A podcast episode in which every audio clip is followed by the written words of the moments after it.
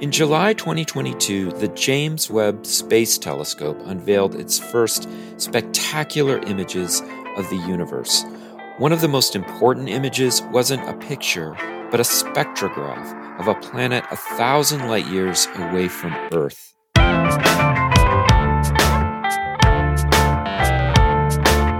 It's time to eat the dogs. I'm Michael Robinson. Today, Dr. Hannah Wakeford talks about the Webb telescope and its significance for the study of exoplanets, planets orbiting suns in other solar systems. Wakeford is a lecturer in astrophysics at the University of Bristol. She is also one of the hosts of ExoCast, a podcast about exoplanet research and discovery. Hannah Wakeford, thank you so much for talking with me. It's great to great to be talking with you too. So uh, the James Webb Space Telescope, which we've been talking about for so long now, as it's gotten ready to go, and now it's uh, it's in the uh, L two space, and it's now we have the big reveal of the first pictures, but it's it's been seen or described as an upgrade to the Hubble Space Telescope. But really, it's quite different from Hubble, and I was wondering if you could talk about some of the the most important differences. Yeah, so JWST is is very different from from Hubble, and that's a great thing. It means they can work together, and it means that we we use both of them to learn more things. But the the main difference is kind of twofold. One is the size. So Hubble is about two and a half meters across. It's a single mirror but JWST is 18 individual segments plated in gold, which is six and a half meters across. Wow. So it's it's six and a quarter times the area. So you've got loads more light that you can collect. The way that telescopes work is that the larger the area that you can collect photons over, the more information you get. So the fact that it's six over six times the area that it's able to collect these photons over, it means that we just get that much more information quicker. And that speed we can see immediately in these first images. The first image that they released of the deep field took 12 and a half hours to do with JWST. 12 and a half hours. That sounds like a really long time. Sounds ridiculous. But that equivalent image took 10, 11 days with the Hubble Space Telescope. Wow. So you can already see that what we call kind of the efficiency of this telescope is humongous compared to, to Hubble. The second thing that is different comes from that beautiful gold plating. It's looking in the infrared. So the infrared is beyond the red part of what our eyes can see. We can see from the purple through the, the oranges, greens, yellows to the red. And it goes way beyond that. Whereas the Hubble Space Telescope is looking from the UV, so the very far purple beyond what we can see, mm-hmm. to the red part.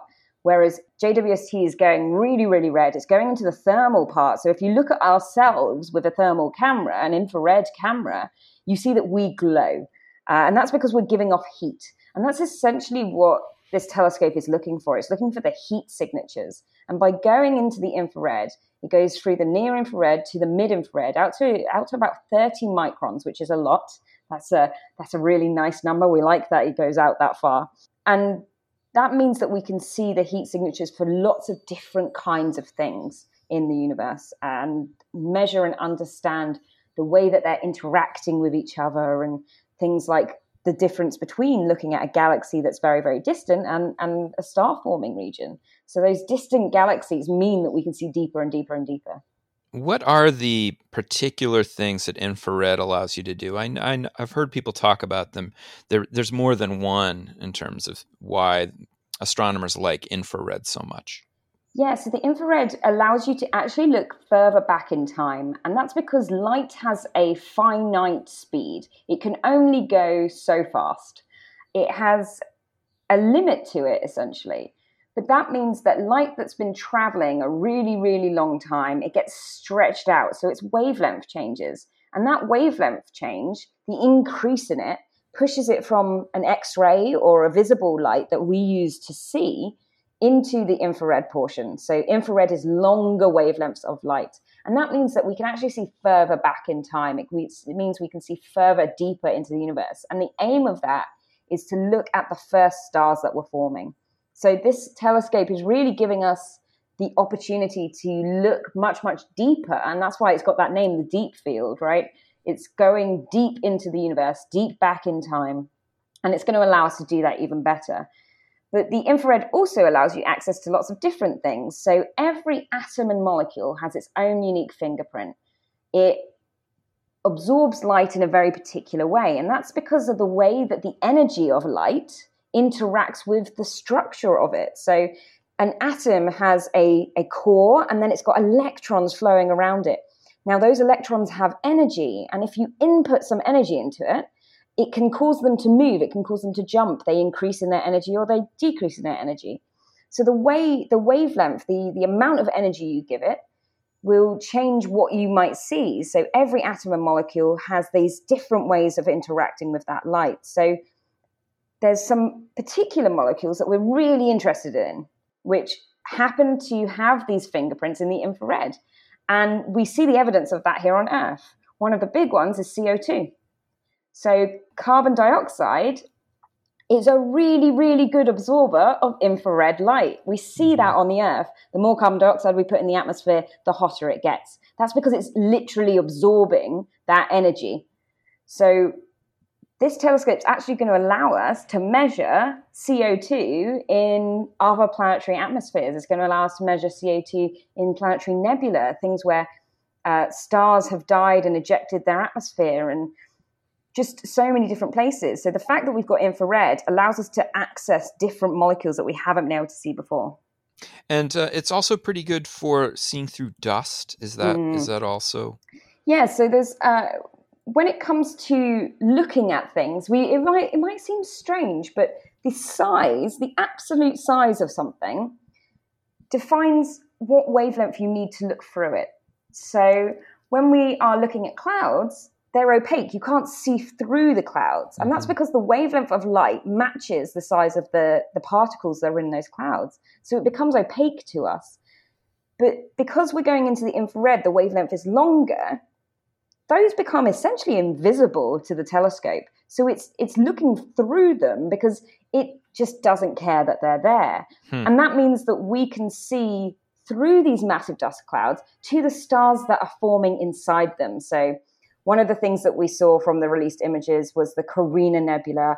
Absolutely gorgeous picture. We our jaws dropped when we saw it. It's got this deep, beautiful blue background, and then this cliff of dust and clouds. But yeah. inside that, you can see structure and you can see stars. And that's the first time we've been able to see through some of this dust to those stars. They're actually being born there. They are currently contracting and forming in that dust cloud that we haven't been able to see before.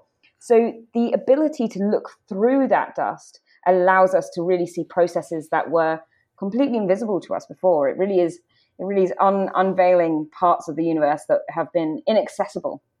Yeah, it's almost um, as you were talking, I was thinking like normally here on Earth we talk about that kind of ability to see through things as an, as X-rays, which are actually a very high energy part of the spectrum, right? But but in yeah. in your case, it's really the infrared that allows you to see through stuff. Yeah, and it is very particular stuff. So these dust grains, they're anything from frozen ice, frozen water, to actual rock, so silicate sand.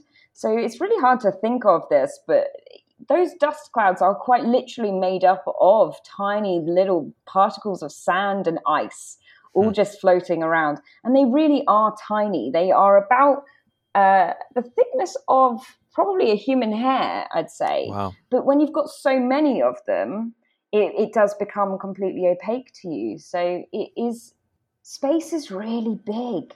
and it's really hard to conceptualize just how big it is. And I think these pictures help that because you're just seeing such amazing, amazing structure, and we can start to kind of pick apart and go, there's so much going on here. I was thinking that too uh, when the uh, the the pictures were released. How it was very they're they're shown at such different scales. Mm. You have um, the Carina Nebula that you talked about, which is actually a really huge chunk of space. But then you had the deep field image, which is this basically an explosion of galaxies, which was also quite incredible. And then there was the Southern Ring Nebula, Mhm. which is a, essentially an image of a stellar explosion over Yeah. a long period of time. And then I think the fourth image was Ste- uh, Stephan's quintet, these Yeah. five galaxies that seem to be kind of locked in a gravitational dance. Unbelievable images, but I was wondering if there was anything that struck you as as an astronomer about these. Yeah what well, i mean i was just in awe at all of them. They're just absolutely beautiful but it really is the structure that you can see in there. There's so much dynamical imprint of what happened to create these. So for the southern ring nebula like you said this is the shell. This is the atmosphere of a star that died and just got ejected away just completely blown away from it and you can see that central star that's left behind, which is about the size of the Earth, that star in the center, is about the size of our planet, but it has more mass in it than, than our sun. So it's Wow. a completely strange thing to be looking at. And then all of the atmosphere from that star has been ejected and blown out into this beautiful ring. But what you can see in those two images is the structure of that atmosphere as it was, you know, the impact that it had from these winds, this vast radiation profile. And the two images themselves show you the power of this telescope. You got an image in the near infrared, which is showing you this kind of glowing dust. And then you've got the image in the mid infrared, which looks, you can't see a lot of that dust. You can see actually through it all. And that's what we were just talking about. That then you're actually looking at very, very different parts of the physics that's going on. So tying that all together is really beautiful. And then you can see that again in, in Stephan's quintet. I mean, look at those galaxies. They are eating each other. And you can, you can see that, you can tell. Yeah. Uh, this this may not be your area, but I was really struck by the deep field image. hmm The amount of warping that you see from, I, I guess it would be the From the lens galaxies in the this kind of yeah. gravitational lensing. I guess uh, Exactly. you're seeing the warping of space time, and it's distorting the images that you see from these galaxies that are 13 billion years old. And I was Yeah. wondering to myself, are are people going to be able to use the warped part? Is that what the is is it hoped that they'll actually be able to glean some data from these stretched images? Yeah, so those stretch images are exactly what they were after. What you're seeing in those is that we've got a nearby, nearby, really far away cluster of galaxies. now, these galaxies have mass, and that mass uh, acts as a lens. It acts as kind of like a bubble for things that are behind it. So, quite literally, those warped structures that you see around, those nice streaks of red, are galaxies that lie behind what we can see. And because of how massive this galaxy cluster is, it's warping, it's bending that light. And this is a, this is a consequence of Einstein's gravity that we can see them and they are brighter because of it, because they act like a gravitational lens. And what scientists can do, some incredibly, incredibly cool stuff with those, is they can take those and they can use the gravitational equations and they can unwarp them Wow. and they can find out what does that galaxy look like and if you look at that Hmm. picture if you really look at that picture and you can get a really nice high quality version from the nasa website zoom in you will be able to see that some of those streaks and lines are the same galaxy just lensed in different parts so around that central cluster you can see these big red streaks that is a picture of exactly the same galaxy printed three, four, five different times. And they can use that information and they can piece it back together and see what that distant galaxy that should be invisible to us is actually like. It's like a uh, Picasso uh, cubist representation I, like, of I a, like to think of it as the the, the Dali uh, drooped clock because it's everything's kind of melted around the edges and it's Yeah. a, a warping of time as well. So it's a nice kind of way of, of picturing it that we've got warped Huh. time in this draped clock over the over the side of our galaxies. So the final image wasn't really an image, I guess it was a spectrograph mm. that we got from Webb was of the planet WASP 96b, yeah. which is a large planet, a Jupiter like planet that's orbiting very, very close to its sun. And this is really your wheelhouse. You're an exoplanet researcher. You look at planets in other solar systems. And so, could you walk us through that? Yeah, so what we're seeing here is the light that has shone through the atmosphere of a distant alien world. And imprinted on that light is the information about what that planet's atmosphere is made of. So, this planet that we, we got this spectrum of that they're showcasing for us is WASP 96b. It's a typical hot Jupiter. And I'll just describe what that means. It's a, Jupiter sized world so about 11 times the radius of the Earth. It's a gas giant, so it's mostly made of hydrogen and helium, just like our Jupiter. But it orbits, as you said, very close to its star. In just over three days is, the, is its year, right? Hmm. So every three days it orbits around its star. It's whipping around this thing. It's going real, real quick. and it's about that means it's about 20 times closer to its star than we are to the sun. So it's very, very hot because of that, because it's just so close to the star. And it's actually tidally locked, such that it's got a permanent day side and a permanent night side. And what we're looking at is the light shining through the edges of that planet's atmosphere, just like a sunset. So, what we're measuring here is the sunset for this planet. And what you can see in this spectrum that they released for us is the information about the water vapor in this planet's atmosphere. So there's bumps and wiggles. We take beautiful pictures and we turn them into bumps and wiggles. That's what we do as exoplanet astronomers. Uh, and those bumps and wiggles are showing us that there is water vapor in the form of steam. It's a gas, it's very, very hot, about 1,000 Kelvin. So that's the equivalent of sitting underneath a rocket when it's taking off. That's how hot it is on this planet. And the water vapor in that atmosphere, we're able to measure. But one of the things that we saw from this is actually those those water features, which is that big bump uh, the, that you see in there. And you can see about four of them. They're not as strong as we thought they would be. Hmm. And that's really cool because that tells us something else that there are clouds in this atmosphere that are oh, blocking oh, that light. So, what I was describing before about the clouds in the Earth's atmosphere, the particle sizes blocking that light, there are clouds in this atmosphere as well that are blocking some of the light, which means that we are not able to measure the gas as well as we could do. That's so interesting. So, in fact, that kind of uh, anticipates a question I was going to ask you, which is that I thought that we already had the ability with other telescopes to see some of these atmospheric features on exoplanets.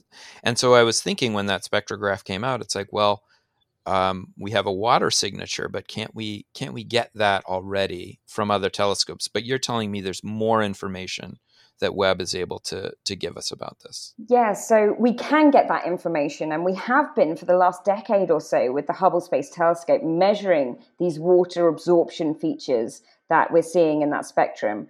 But actually, we could only measured just one or two of these features before, these bumps and wiggles. What we've got here is four or five of them. So not only have we got confirmation that the measurements we made with the Hubble Space Telescope of this planet in particular are correct, they match, they match beautifully.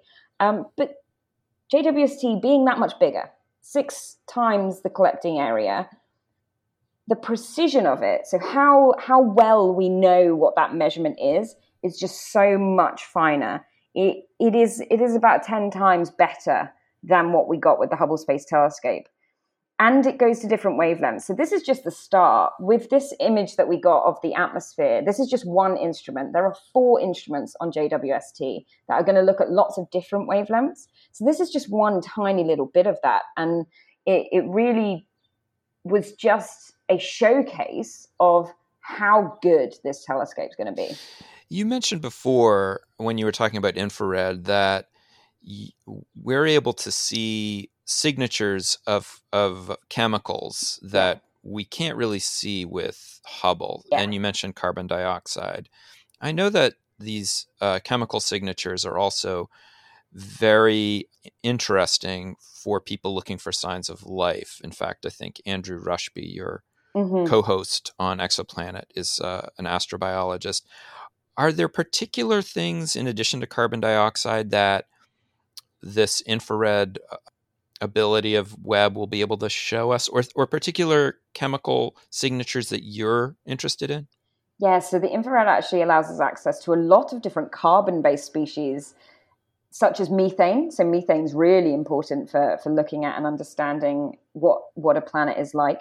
Carbon monoxide as well as the carbon dioxide. But we can also access things like ammonia and hydrogen cyanide in these atmospheres that we haven't been able to measure before. But another really interesting thing that we can measure, I was talking about those clouds, and they actually make it really hard for us to measure the water. But if as we go into the mid infrared, those clouds themselves, they're made up of rocks. So they're made up of the solid land that we stand on here on Earth, but they're vaporized in the atmospheres of these planets because they're so hot. So wow. that creates liquid glass, right? So when you heat up sand, it turns into glass. That's what we've got in these atmospheres creating these clouds. But at the mid infrared, those droplets of glass also absorb light in a very characteristic way. So, for the first time, we can actually measure the exact composition of the clouds that are in our, our atmospheres. And that tells us a lot about what the temperature's like on this planet. And we can start to work out what the environment like, might be like. Is it got really fast winds? Does it have kind of vertical circulation? Does it have cumulus clouds? Or does it have massive anvil clouds? Or you know, trying to work out and understand the dynamics in these atmospheres. And by piecing together everything that we've learned from the Hubble Space Telescope with everything that we're going to be learning from the James Webb Space Telescope is is going to be the key in the coming years to answer those questions of what is the actual 3D planet like? Wow. One of the things I've learned from listening to your show, Exoplanet, is all the different ways that scientists are now trying to detect planets, and, mm-hmm. and there's mm-hmm. a bunch of them. The, one of the ways that you guys talk about is radial velocities, mm-hmm. this kind of wobble that you can measure using light from stars, and and also some direct imaging too uh, for certain kinds of planet planets. And I was wondering, will will Webb allow some of these other ways of detecting planets, or is it primarily through the spectrograph that you're going to be looking? So the primary way that I look at them is through the transit method. So when the planet passes in front of the star, we see a dip in the amount of light. And from that, we're able to get information about the size of the planet, the atmosphere of the planet. But they also have something called a coronagraph. And a coronagraph physically blocks out the light from the star so that the light from the planet can be measured. And these coronagraphs are going to be doing what you just said direct imaging of oh, these so cool. exoplanets. and there's a number of programs that are happening in the coming weeks to look at some well known directly imaged planets and use JWST to work out what's in their atmospheres as well. So it's not just going to be these really close in ones that we're looking at, it's also going to be these really distant, very young planets, so the directly imaged planets, because we're measuring light that comes directly from them, they have to be hot still. So we can measure them, which means they have to be young. So these are just very, very young planets around their stars. Whereas a lot of the planets that we're looking at with the transiting method are fairly old, they're fairly well established uh, around their stars. So we get to see not only different types of planets in different situations, but at different evolutionary stages as well. And it's only when we piece together all of this information about these thousands of worlds out there that we can start to understand how typical and how easy it might have been to make our own solar system. And that's one of the things that I really love about exoplanet science is that we are able to use these different test tubes, these yeah. different little situations throughout the galaxy to try and understand and reflect back on our own our own world. Yeah, the point you just made, which is interesting, is that in fact we're we're going to be doing direct imaging, and mm-hmm. that you'll be able to see something of these planets uh, in the form of a photograph or of a picture, and yeah. Yeah, that was my question when I watched this big reveal, which is like, wow, these pictures are just eye candy. I mean, people all over the world are putting their wallpapers up of the Carina Oh, yeah, Nebula, definitely. you know?